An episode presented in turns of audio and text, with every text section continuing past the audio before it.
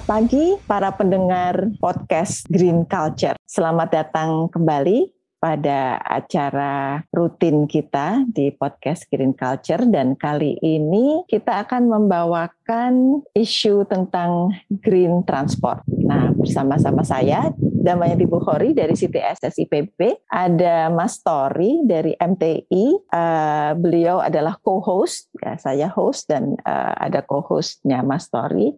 Dan di samping itu ada tamu penting banget nih, tamu keren, Pak Fitra dari UI. Nah, sebelum mulai mungkin kita kenalan aja deh dulu.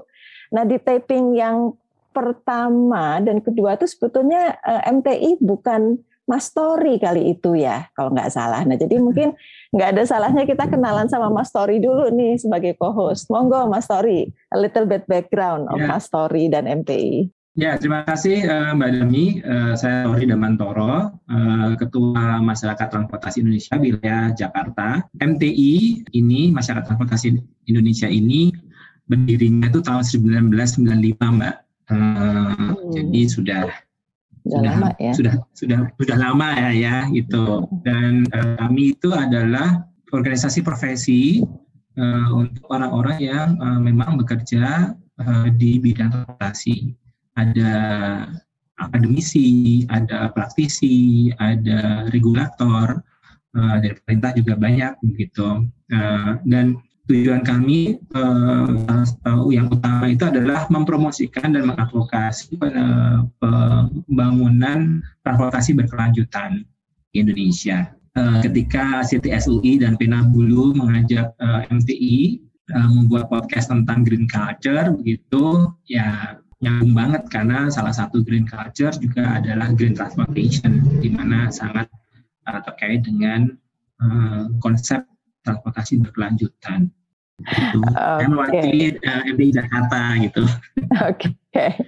terima kasih banyak Mas Tori. Nah, untuk selanjutnya kita dengarkan dari narasumber Pak Fitra dari UI. Monggo Pak Fitra, kenalan dulu sama para pendengar kita. Baik, terima kasih sekali uh, Prof. Damayanti.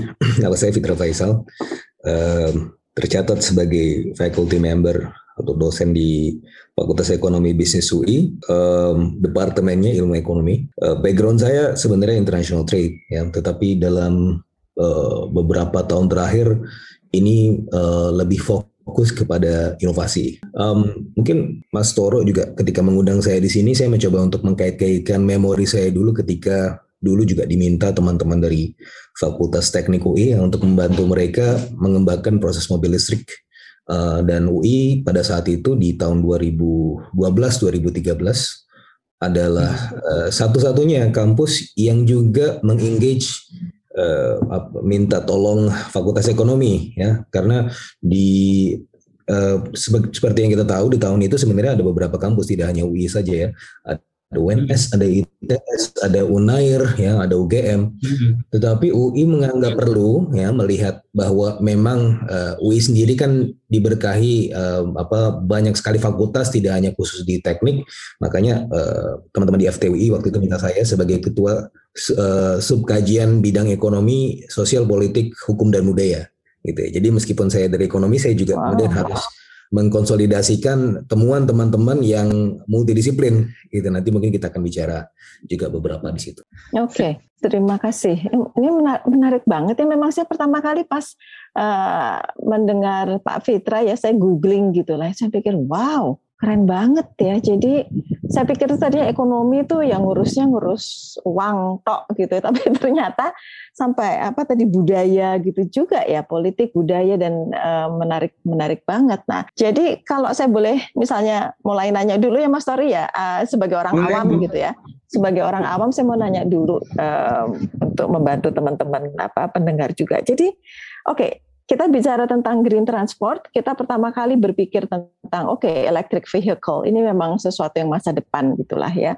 Nah dari uh, tadi Pak Fitra menjelaskan sejak 2012 ya UI sudah uh, apa uh, masuk ke dalam isu ini.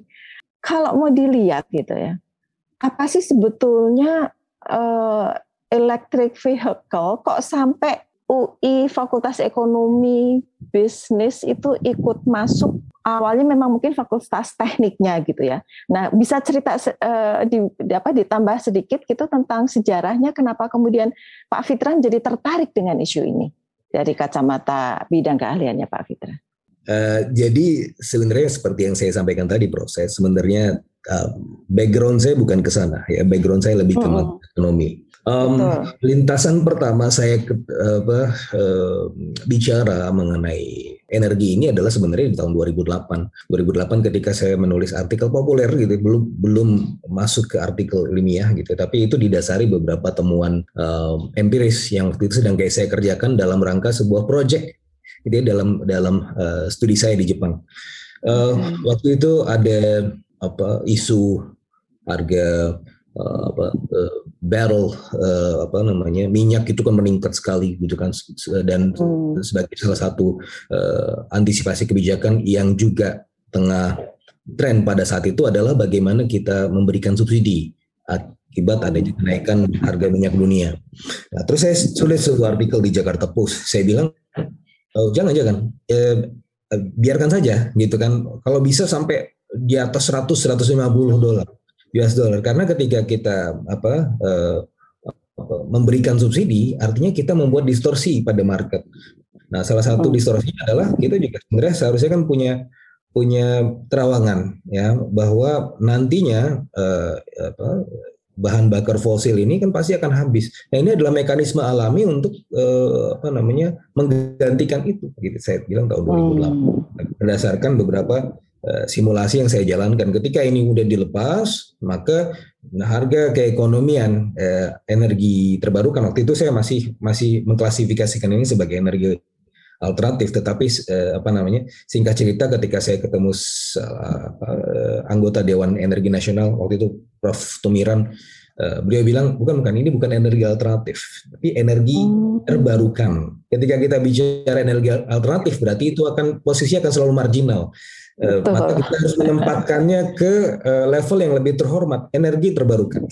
Nah, itu baru saya tahu di, di apa namanya di tahun 2014 tahun 2015. Tapi sebelumnya saya selalu mengklasifikasikan itu sebagai energi alternatif. Waktu itu saya bilang alternatif energi dalam hal ini akan memiliki posisi untuk naik ketika apa, harga minyak dunia naik juga. Nah, tapi itu adalah saat mungkin satu dari sedikit persinggungan saya sebelumnya uh, terkait dengan uh, apa uh, isu energi.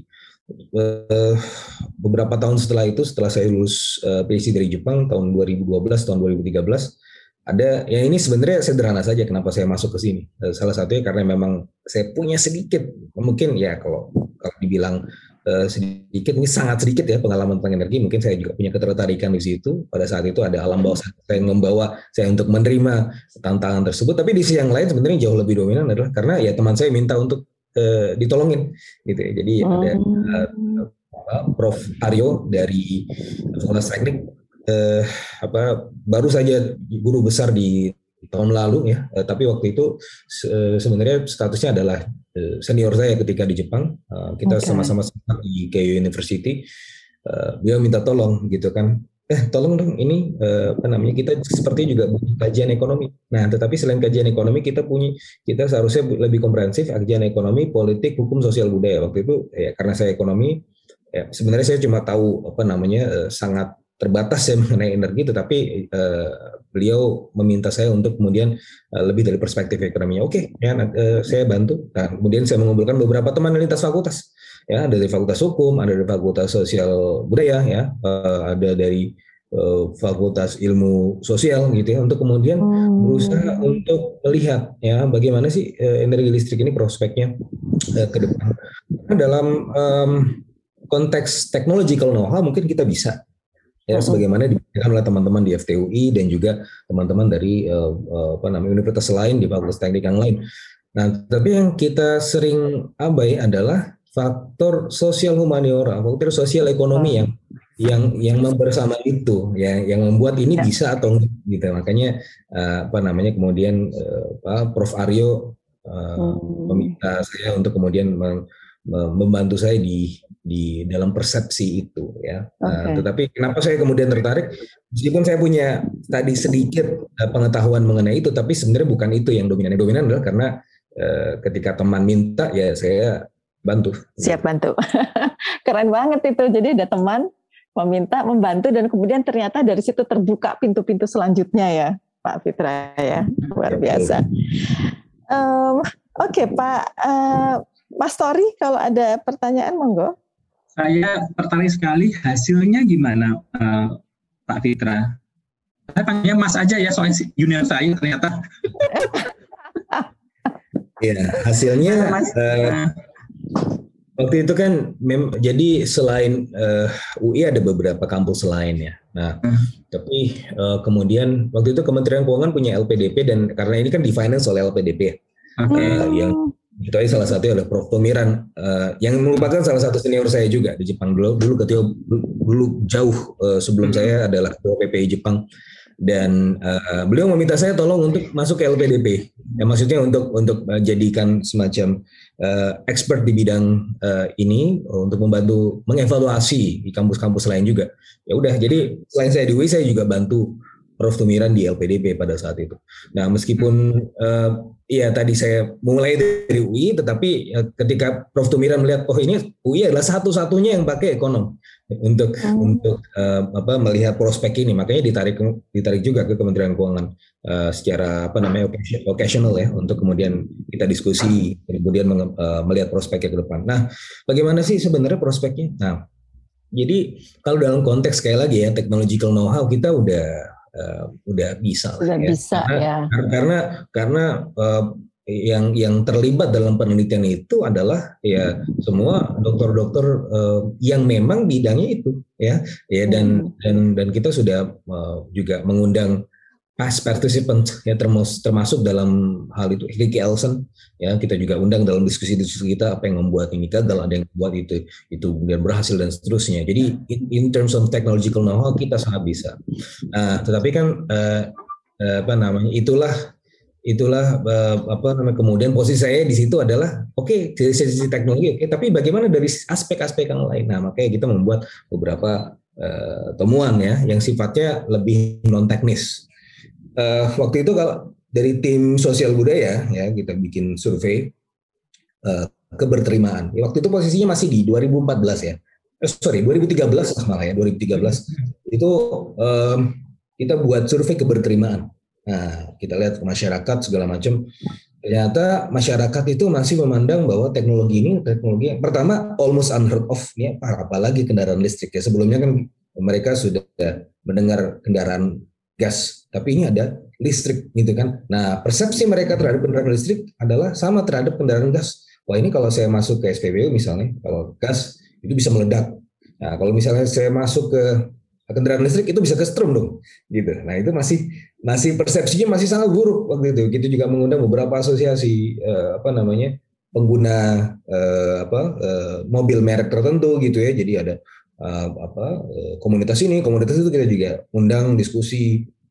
Mereka juga menyatakan hal yang kurang lebih sama. Ya mereka masih melihat oh ini apa sih? gitu kan. Ya, takut gitu ya. Takut takut siapa ya? Terus yang udah pakai siapa gitu kan segala jadi mereka masih melihat uh, oke okay, ini kalau keluar akan membahayakan keselamatan saya atau enggak? gitu. Jadi itu dari sisi aspek hmm. sosial budaya. Dari sisi perangkat-perangkat hukumnya juga uh, tim hukum kita juga masih melihat bahwa ada beberapa tantangan ya. Eh, yang mana sistem peraturan eh, kita terkait transportasi itu masih sangat rigid ya. Eh, beberapa contoh anekdotal saja misalnya kemarin pas eh, mobil listrik kok harus di, masih diuji emisi gitu kan itu berarti kan hal-hal yang sebenarnya eh, apa namanya agak tertinggal gitu ya. Tidak bisa keep up dengan uh, beberapa kemajuan terkini ya. Tidak hanya itu ya kita juga bisa melihat di sektor-sektor lain seperti misalnya transportasi online itu juga apa namanya peraturan kita juga belum bisa sangat memahami apa binatang yang sedang berkembang ini. Nah, kemudian uh, itu dari sisi hukum. Dan dari sisi uh, apa? Pak Fitra mungkin satu-satu dulu Pak Fitra. Nanti kebanyakan nanti pusing, bingung. Boleh, boleh, siap. Uh, uh, mungkin begini uh, menarik sekali tadi ya. Jadi uh, pertama-tama Pak Fitra bicara tentang uh, teknologi. Kita teknologi know-how kita nggak ada masalah gitu. Justru Kemudian yang menjadi isu di antaranya adalah ke apa tadi istilahnya ya, ke acceptance itulah ya. Keberterimaan. Ha, itu bahasa Inggrisnya acceptance kali ya. Keberterimaan. Ya, public acceptance. Oke. Okay. Nah, itu kan berarti acceptance itu kaitannya ke ke apa ini uh, Pak Fitra? Apakah itu karena kita belum biasa jadi we're talking about behavior, budaya atau itu dari uang karena mahal atau uh, infrastruktur yang belum siap? Itu kira-kira gimana nih keberterimaannya ini masalahnya di mana? Yeah.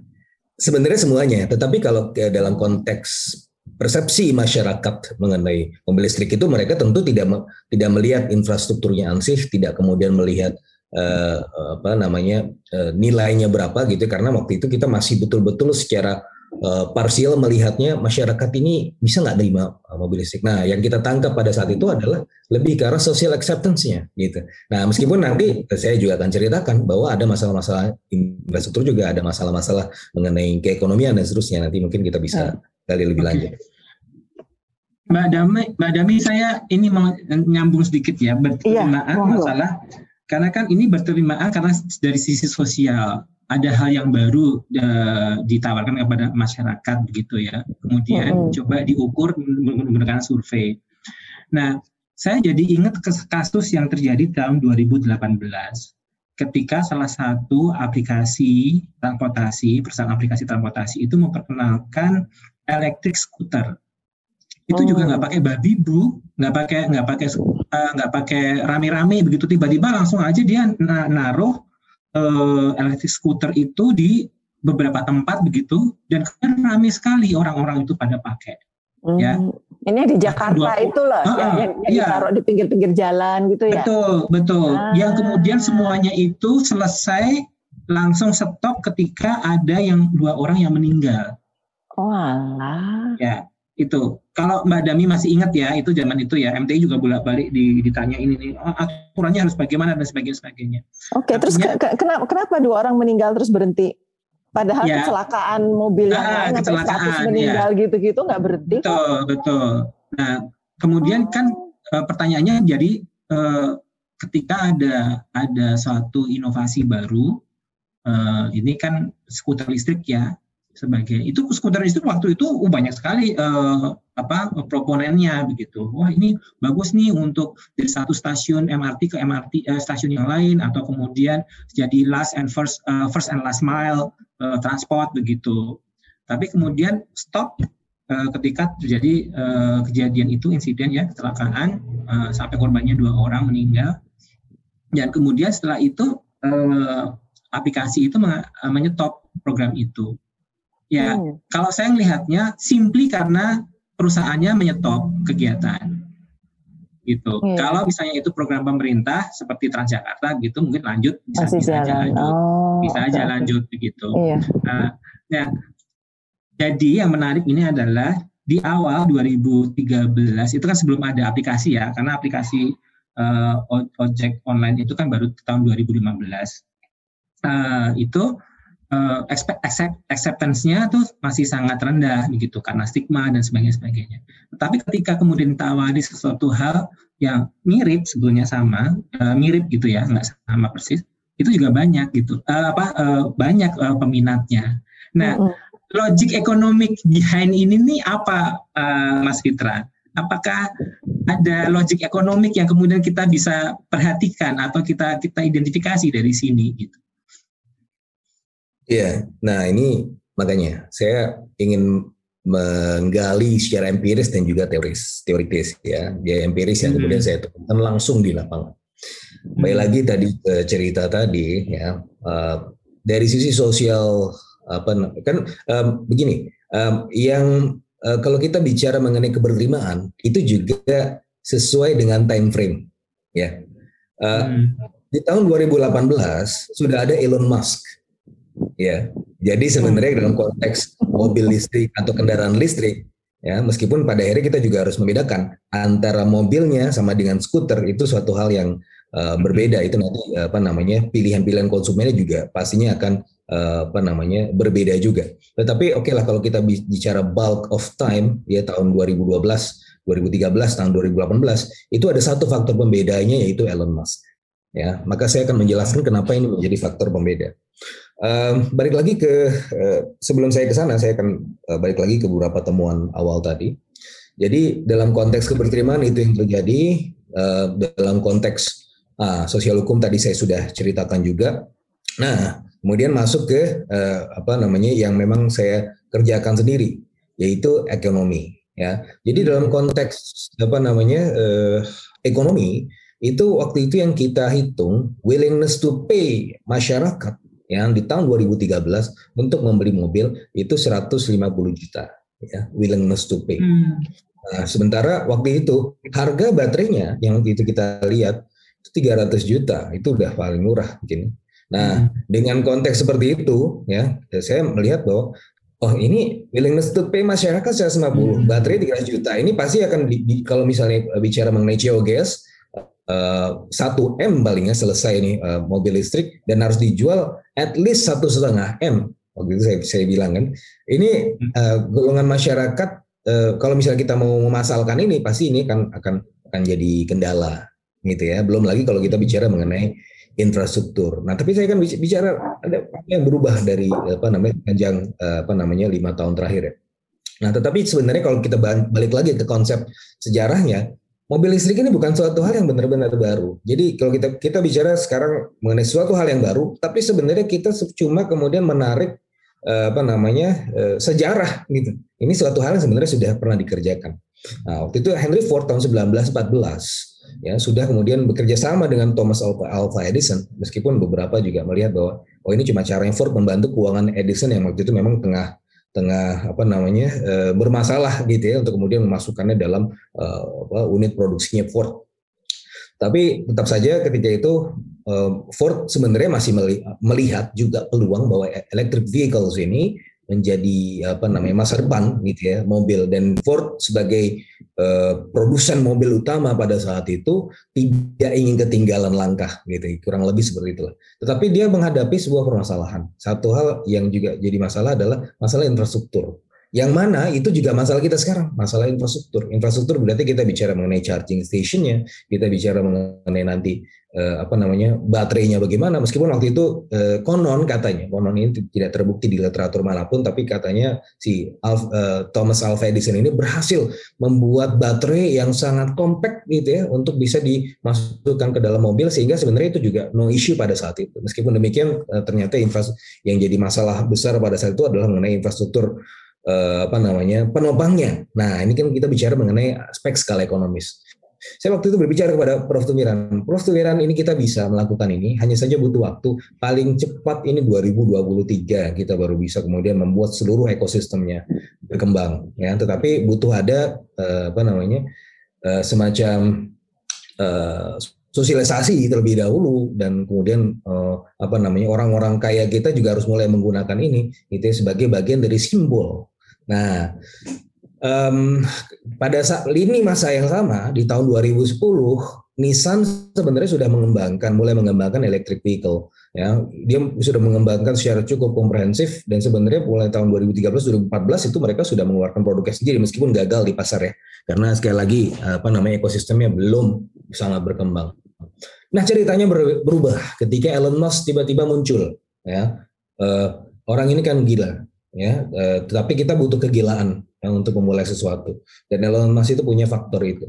Dari secara teknik itu perusahaan-perusahaan Jepang sudah punya gitu ya. Tetapi mereka tidak mau segera mengeluarkannya. Kenapa? Karena mereka butuh tes-tes terlebih dahulu. Ini harus tes ini tes ini. Sehingga ketika keluar harus betul-betul aman. Berbeda dengan Musk. Dan ini merupakan merupakan sebenarnya adalah strategi bisnisnya Amerika Serikat juga di mana-mana ya. Eh, tidak perlu harus sempurna dulu keluarnya. Yang penting ini harus dipackage dengan baik dan itu yang dilakukan oleh Musk. Meskipun harganya mahal, uh, tetapi ini kemudian menjadi semacam apa ya? Kalau di dalam uh, istilah ekonomi disebut sebagai Veblen goods. Thomas Veblen tahun 1899 ya. Jadi ini adalah disebut sebagai um, apa ekonom besar juga ya selain Adam Smith kalau Adam Smith mengeluarkan bukunya The Wealth of Nation tahun 1776 Veblen um, apa namanya uh, tahun 1899 The Theory of Laser Class. Nah The Theory of Laser Class ini adalah sebuah pada saat itu semacam sebuah breakthrough karena selepas The Wealth of Nation dan kemudian uh, apa namanya uh, ya beberapa apa ekonom-ekonom seperti misalnya David Ricardo yang juga mengeluarkan teori-teori serupa. Tapi setelah itu antara tahun 1776 sampai uh, tahun 8 1800-an itu tidak ada betul-betul uh, apa namanya literatur atau buku yang betul-betul menggugah masyarakat. Barulah tahun 1899 si Veblen mengeluarkan bukunya The Laser Class Nah, dalam uh, bukunya The Laser Class ini, dia uh, Veblen mengklasifikasikan laser class menjadi uh, apa namanya uh, beberapa variasi itu. Tapi sebenarnya dalam konteks itu uh, laser class raja-raja atau orang-orang konglomerat ini menjadi uh, terpandang dan mereka ingin meningkatkan derajat keterpandangannya dengan menonjolkan sesuatu. Sebagai contoh ketika um, pada saat itu uh, kalau nggak salah um, Napoleon ya atau kemudian uh, raja-raja Prancis juga melihat bahwa aluminium pada saat itu itu sulit dicari maka yang mendominasi um, apa namanya perangkat-perangkat makan warga kerajaan adalah dari aluminium bukan dari bukan dari gold bukan dari silver tapi aluminium. Kenapa? Karena langka sulit didapat dan mahal. Nah ini kemudian mendasari teorinya si Veblen bahwa ya ada barang-barang yang disebut sebagai conspicuous consumption yang yang mana kemudian dikembangkan lagi menjadi vicarious laser gitu ya. Nah, ini ini suatu hal yang menarik. Apa itu sih terminologi terminologi ini mencerminkan apa? Nah, jadi eh, raja-raja konglomerat ya. Jadi mereka sudah terpandang, mereka menggunakan barang-barang yang mahal dan seterusnya. Terus kemudian mereka menggunakan butler, pelayan-pelayan yang juga menunjukkan derajat keterpandangannya yang disebut sebagai vicarious laser. Mereka betul, bukan betul-betul laser class, tapi mereka melayani yang apa namanya eh, para bangsawan ini. Sehingga ketika butlernya itu tampan gagah dan kemudian rapi, itu adalah menunjukkan oh Anda berada apa, apa bos Anda mengurus Anda dengan baik. Itu disebut sebagai vicarious uh, laser. Nah, ini kemudian kita bisa bawa konsep ini ketika menceritakan uh, perkembangan dari electric vehicle. Dulu ada butler yang menunjukkan keterpandangan gitu ya. Meskipun tadi ada ada apa namanya aluminium dan seterusnya yang sebenarnya menunjukkan eh, apa namanya conspicuous consumption, tapi saya lebih lebih memposisikan ini sebagai electric vehicle adalah butlernya orang-orang kaya. Gitu. Mereka adalah vicarious laser sehingga ketika memiliki apa namanya si uh, mobil listrik ini meskipun kalau dari sisi fungsional, fungsionalitasnya mungkin masih lebih baik apa namanya uh, bahan bakar berenergi uh, fosil tetapi ini menunjukkan derajat keterpandangannya. Oh saya beli electric vehicle. Oke okay, ya uh, mungkin nggak akan nggak akan apa ya uh, seelit ketika memberi Lamborghini atau Ferrari, tapi setidak-tidaknya ini juga kemudian menunjukkan derajat terpandangan. Oh, belum banyak yang punya kok electric vehicle dan seterusnya dan seterusnya. Nah, um, memang belum sampai ke mass production, ya ini belum akan sampai ke sana. Tetapi ya ada kalanya, ada kalanya yang yang dikelompokkan sebagai vicarious consumption atau vicarious leisure ini electric vehicle yang sam sampai sekarang ini masih kemudian menjadi produk-produk yang langka dan menunjukkan derajat keterpandangan seseorang yang mana itu uh, apa namanya semakin mahal harganya itu akan semakin dicari oleh orang-orang jenis ini. Tetapi ada kalanya nanti ketika infrastrukturnya sudah sangat mendukung dia akan uh, turun harganya sehingga ini akan di, di, di apa ditinggalkan oleh orang-orang kaya ini Nah, barulah kemudian ini yang kemudian bisa menjadi eh, apa namanya mass production dan kemudian digunakan secara populer oleh masyarakat menengah. Nah, tetapi untuk sampai itu kan kita butuh simbol dan uh, untungnya sekarang orang-orang kaya sudah menjadi simbol secara alami sehingga keberterimaan masyarakat terhadap istilah-istilah uh, apa namanya yang terkait dengan electric vehicle entah itu tadi otopet listrik atau kendaraan listrik atau apa yang eh, terkait dengan listrik itu menjadi suatu hal yang wah menarik sehingga mereka lebih senang untuk menerima itu gitu. Nah ini ini adalah suatu hal sebenarnya yang terjadi alami. Thanks to salah satunya adalah Elon Musk. Ya mungkin nanti kita akan melihat juga ke depan eh, apa namanya orang-orang eh, kayak ini akan apa namanya berkejar-kejaran jadi apa namanya menuju ke bulan ya karena si Elon Musk dan juga si Jeff Bezos juga sudah melakukan itu. Gitu. Aduh, menarik banget nih Mbak Dami uh, penjelasan Mas Fitra. Jadi memang sih waktu waktu saya kuliah di Amerika itu sama waktunya Mas, tapi saya cuma S2 ya. ya 2012 uh, 2012 itu memang Elon Musk baru baru muncul dan kemudian memang dia mulainya dengan mobil mahal. Jadi uh, Tesla itu awalnya bukan mobil murahan, mobil yang mahal dan uh, tidak semua orang Amerika pun uh, bisa afford uh, untuk uh, atau bisa beli Tesla ini. Jadi bentuknya kayak trickle trickle trickle down gitu ya Mas Mas Fitra ya, kayak luxury brand gitu ya. Kalau kalau kita lihat luxury brand itu kan ada yang benar-benar uh, custom made uh, untuk orang-orang kaya yang tidak dijual di mana-mana. Uh, misalnya ya kita taruh misalnya apa channel gitu ya. Tapi yang channel yang ada di Grand Indonesia itu sudah yang udah kelas yang yang udah yang bawah gitu loh, yang bener-bener luxurinya channel itu nggak beredar di uh, di di negara-negara berkembang, dia hanya khusus di uh, Rute Kambonnya uh, sana, pusatnya sana gitu. Mungkin begitu, memang modelnya begitu ya, Mas. Iya, iya, betul sekali, uh, Mas Tori. Jadi uh, orang butuh patron, ya. Ketika patronnya itu uh, membeli atau melakukan sesuatu, maka mereka cenderung untuk mengikuti herd behavior.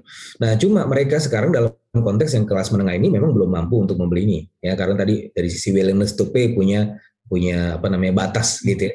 Tetapi ini eh, tidak masalah karena ini hanya tunggu tinggal butuh waktu saja gitu kan. Karena sebenarnya kita juga butuh kemudian mempersiapkan infrastrukturnya. Setidak-tidaknya dalam konteks keberterimaan masyarakat mereka sudah apa namanya melihat ini sebagai suatu hal yang yang uh, menarik dan bisa diterima berbeda dengan kondisi tahun 2010-an 2011 gitu ya uh, hmm. ketika apa namanya dulu bahkan pabrikan-pabrikan Jepang sudah memulainya gitu makanya Nissan ini salah satu yang hmm. yang paling hmm. paling apa ya mungkin paling gemes ngelihat si Tesla gitu apa gua udah uh, apa ini apa namanya riset ini lama eh tiba-tiba muncul nih orang gitu ya terus tiba-tiba mengambil semua panggung gitu kan. Jadi, jadi dalam konteks itu, tapi sebenarnya si Nissan juga dalam uh, konteks pengembangan mobil listrik seharusnya merasa terbantu juga. Meskipun dalam uh, apa namanya perspektif ekonomi kita juga punya semacam first mover Stackelberg advantage. Jadi siapa yang mulai dulu, itulah yang jadi hmm. patron dan itulah yang kemudian mengeruk keuntungan paling banyak.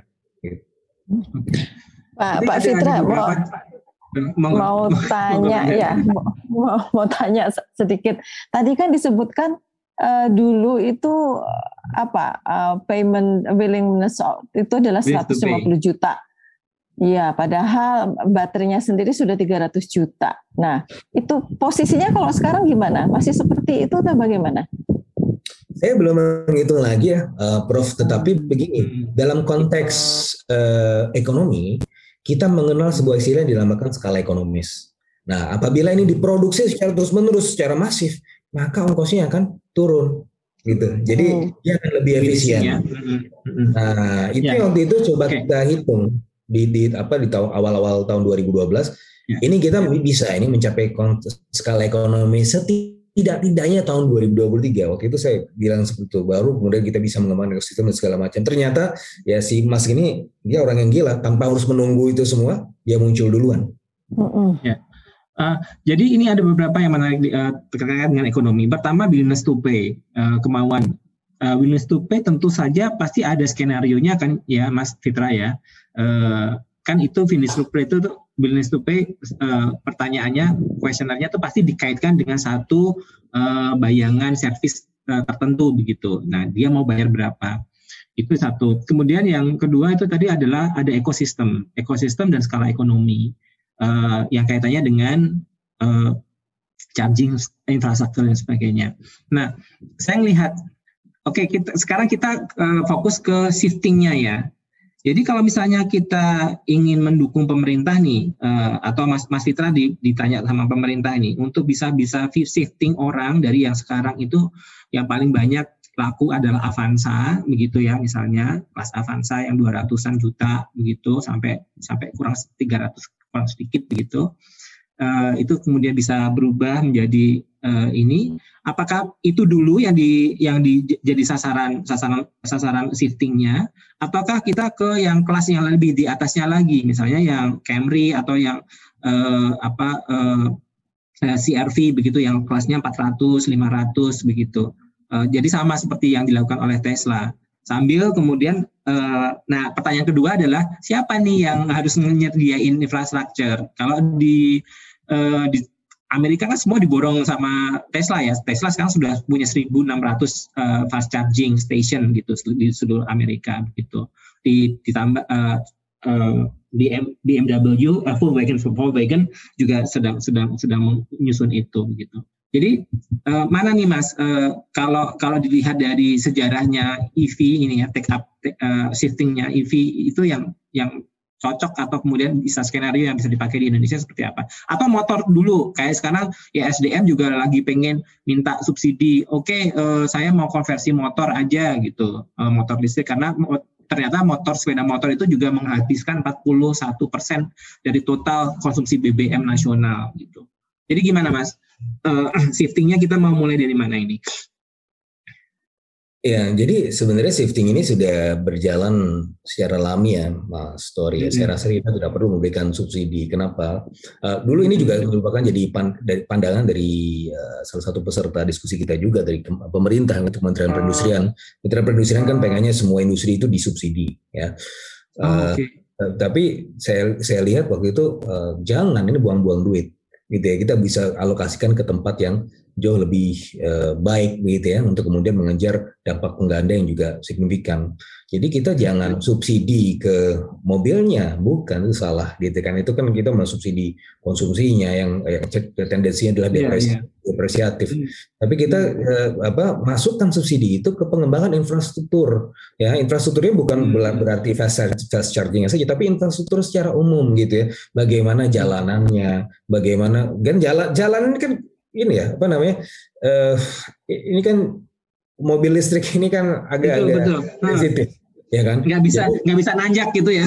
Betul. Nah ini kita harus harus bangun di situ. Jadi secara secara tidak langsung kita mensupport itu. Kalau fast charging segala macam saya rasa nanti uh, dengan kemunculan untungnya adalah Elon Musk gitu ya. Dan ini uh, masuknya investasi-investasi terbaru dari uh, Hyundai dan mungkin nanti Toyota atau Nissan sebagaimana yang disampaikan oleh Pak Bahlil beberapa waktu yang lalu mungkin ini ya akan mereka juga akan memperkuat dari sisi itunya karena kan uh, nggak mungkin mereka mau invest tapi kalau kalau misalnya apa namanya tidak tidak full package gitu. Nah hmm. jadi saya saya lebih ke arah sananya gitu ya. Jadi kalau okay. kalau kita bicara misalnya ya Thailand Uh, ini bukan pengembangan mobil listrik, tapi bagaimana mereka sekarang menjelma menjadi Detroit of Asia, gitu ya. Hmm. Jadi yang hmm. mereka kembangkan adalah Uh, mereka tidak bikin mobilnya sendiri, mereka tidak subsidi mobil, mereka adalah meng, apa, menggunakan uh, uang untuk mengembangkan infrastrukturnya sehingga mereka menjadi global production hub ya dan strategi ini jauh lebih berhasil di ketimbang strategi subsidi substitusi impor ala Malaysia dengan proton saganya ya tapi hmm. kita kalau kita lihat sekarang hampir seluruh mobil yang uh, masuk di pasar ASEAN itu masuknya dari Thailand ya ah. karena prinsipnya di Jepang bahkan di uh, Korea terutama di Jepang ya itu kan uh, sudah sangat percaya dengan hmm. dengan apa infrastrukturnya yang ada di Thailand gitu. Nah, ini yang harus kita kembangkan gitu ya. Jadi bagaimana Thailand bisa menjadi Detroit of Asia karena mereka bisa bisa memiliki visi tadi, visi untuk hmm. menjadi global connectors, menjadi global production hub di industri otomotif dan mereka menjelma mereka menjadikan itu menjadi kenyataan ya dari tahun 1980-an sekarang kita sudah melihat bagaimana Thailand cukup dikdaya di situ dan kita ketinggalan. Hmm. Dan oleh karenanya ya kalaupun hmm. ada uang pemerintah ya untuk mensupport itu bukan untuk mensupportnya secara langsung gitu ya. Kalau kita support secara langsung itu kan berarti akan ada ini ya semacam praktek diskriminasi dan orang-orang akan melihat oh ini pemerintah in favor terhadap industri tertentu terhadap perusahaan hmm. tertentu maka mereka akan hmm. paling dan itu dan kita kan hmm. akhirnya akan memicu apa namanya semacam sentimen ya di industri-industri hmm. yang lain dan ini itu suatu hal yang tidak uh, ingin kita apa namanya hadapi gitu. Okay, hmm, jadi kalau jadi, mau di, dibandingkan antara, oke okay, mungkin waktunya udah nggak banyak lagi nih ya, tinggal dua menit, tapi nggak apa-apa. Uh, saya jadi penasaran nih dengan Thailand yang luar biasa ini. Jadi kalau di compare antara Indonesia dengan Thailand gitu ya, uh, gimana nih Pak Fitra? Sejauh mana uh, kita masih bisa bersaing untuk uh, electric vehicle ini, atau sebaiknya gimana nih kita? Bagaimana kita mengejar ketertinggalan? Ya, secara umum kita sudah sangat tertinggal Prof. Jadi saya tulis di buku saya terbit tahun 2019 Globalization Productivity hmm. Production Network in ASEAN itu okay. um, apa namanya kita sudah ketinggalan bukan hanya dengan Thailand, Vietnam, Filipina, Malaysia ya sudah ketinggalan. Tetapi untungnya tahun 2020 ini uh, semacam blessing in disguise buat kita semua. COVID ya, tetapi di sisi yang lain ada perpindahan uh, persepsi gitu ya dari big players terutama dari Amerika Serikat, Jepang. Ini yang ingin apa namanya yang saya sebut sebagai relocation factor. Mereka tidak ingin terlalu tergantung pada China. Ini konteks umumnya, ya, tidak ingin terlalu tergantung pada China dalam proses produksinya karena mereka melihat bahwa ketika terjadi peristiwa-peristiwa seperti ini di uh, apa COVID atau pandemi seperti ini atau nanti shock-shock yang berikutnya, mereka tidak memiliki pilihan lain. Sehingga yang sekarang mereka lakukan adalah melebarkan portofolionya, mencari tempat-tempat uh, alternatif selain China. Jadi sekarang mereka tidak lagi mengejar efisiensi saja, tapi mereka mengejar resiliensi.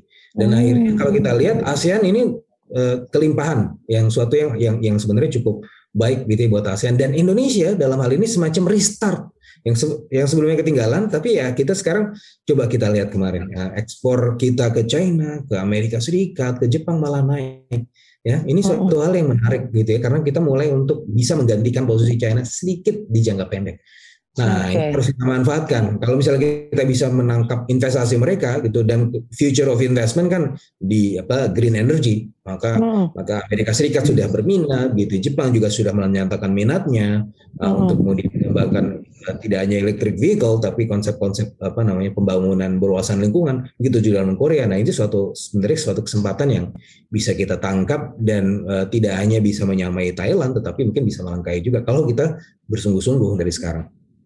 Oke, okay. okay. uh, uh, Prof. Dami, uh, saya saya mau ini memastikan dulu ini. Jadi kesimpulannya, uh, kita kan bahas, bahas masalah shifting dari combustion engine ke electric vehicle ya, ini ya, uh, Mas Fitra. Jadi kita mulainya adalah dari keberterimaan dulu atau acceptance dari market, di mana uh, setelah berlangsung dari 2012 sampai sekarang itu sudah terjadi perubahan mindset dari masyarakat untuk bisa lebih menerima tentang listrik uh, kendaraan listrik dengan lebih baik begitu. Nah, uh, sehingga kalau infrastrukturnya sudah siap uh, atau disiapkan dengan baik, maka uh, shifting dari combustion engine ke elektrik itu akan menjadi keniscayaan yang berjalan secara alami Mungkin begitu ya Pak Fitra ya? Iya, as, as we speak sekarang proses itu sebenarnya sedang sedang uh, terjadi begitu ya secara alami. Tinggal bagaimana kita bisa mempercepat itu gitu ya dan menangkap peluang. Saya rasa bukan mempercepat proses karena proses ini uh, apa namanya suatu hal yang sekarang kecenderungannya lebih given ya karena dipengaruhi oleh aktor-aktor besar. Tapi apa yang kita bisa lakukan sekarang adalah memanfaatkan momentum gitu ya. Jangan sampai kita kehilangan momentum. Saya pernah waktu itu melakukan semacam forecast untuk eh, apa namanya penggunaan energi terbarukan gitu ya yang paling ideal hmm. itu uh, mulainya atau uh, kita harus mulai selambat-lambatnya tahun berapa gitu. Waktu itu forecast saya di tahun 2014 adalah tahun 2020 itu selambat-lambatnya kita manfaatkan energi terbarukan baik itu i, apa namanya hmm. solar photovoltaic atau uh, dalam hal ini dalam konteks ini electric vehicle dan seterusnya ya. Itu tahun tahun 2020 gitu. Nah, kalau uh, terlambat dampaknya apa kalau terlambat? Ya kita akan menjadi pasar aja, bukan menjadi pemain. Oh, gitu. Nah, lagi-lagi kembali nah, lagi itu, selalu menjadi pasar. Karena, karena waktu itu yang eh, yang yang saya diskusikan dengan Prof Tumiran tahun 2014 2015, saya bilang gini, Prof, kita sekarang eh, apa namanya memang belum sampai ke arah sana. Tetapi untungnya kita sekarang ini kalau kita bicara mengenai electric vehicle posisi tahun 2015 ya.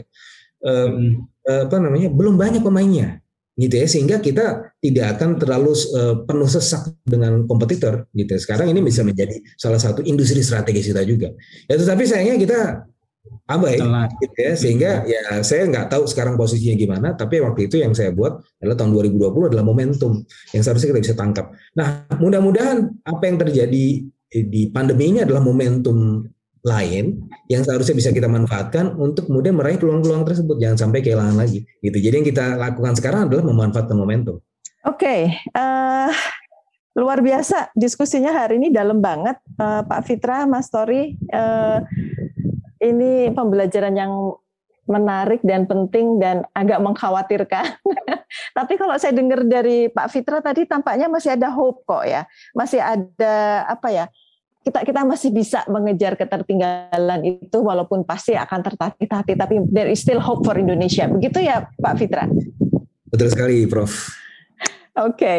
jadi karena waktu sudah habis, uh, kami ingin mengucapkan apa terima kasih banyak ini kepada Pak Fitra yang uh, sudah datang. Tapi sebelum itu saya ingin memberi kesempatan mungkin kalau ada closing statement apa Pak Fitra untuk pesan bagi para pendengar yang menurut Pak Fitra penting untuk diutarakan kepada the public tentang ini.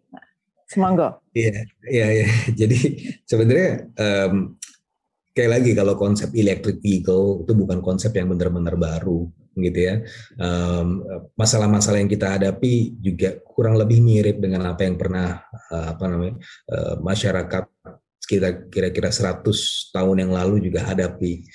Tetapi begini kita kenapa perlu melakukan ini? Kenapa kita perlu shifting? Ya karena ini kan bagaimana kita bisa membuat generasi ke depan itu jauh lebih nyaman ya.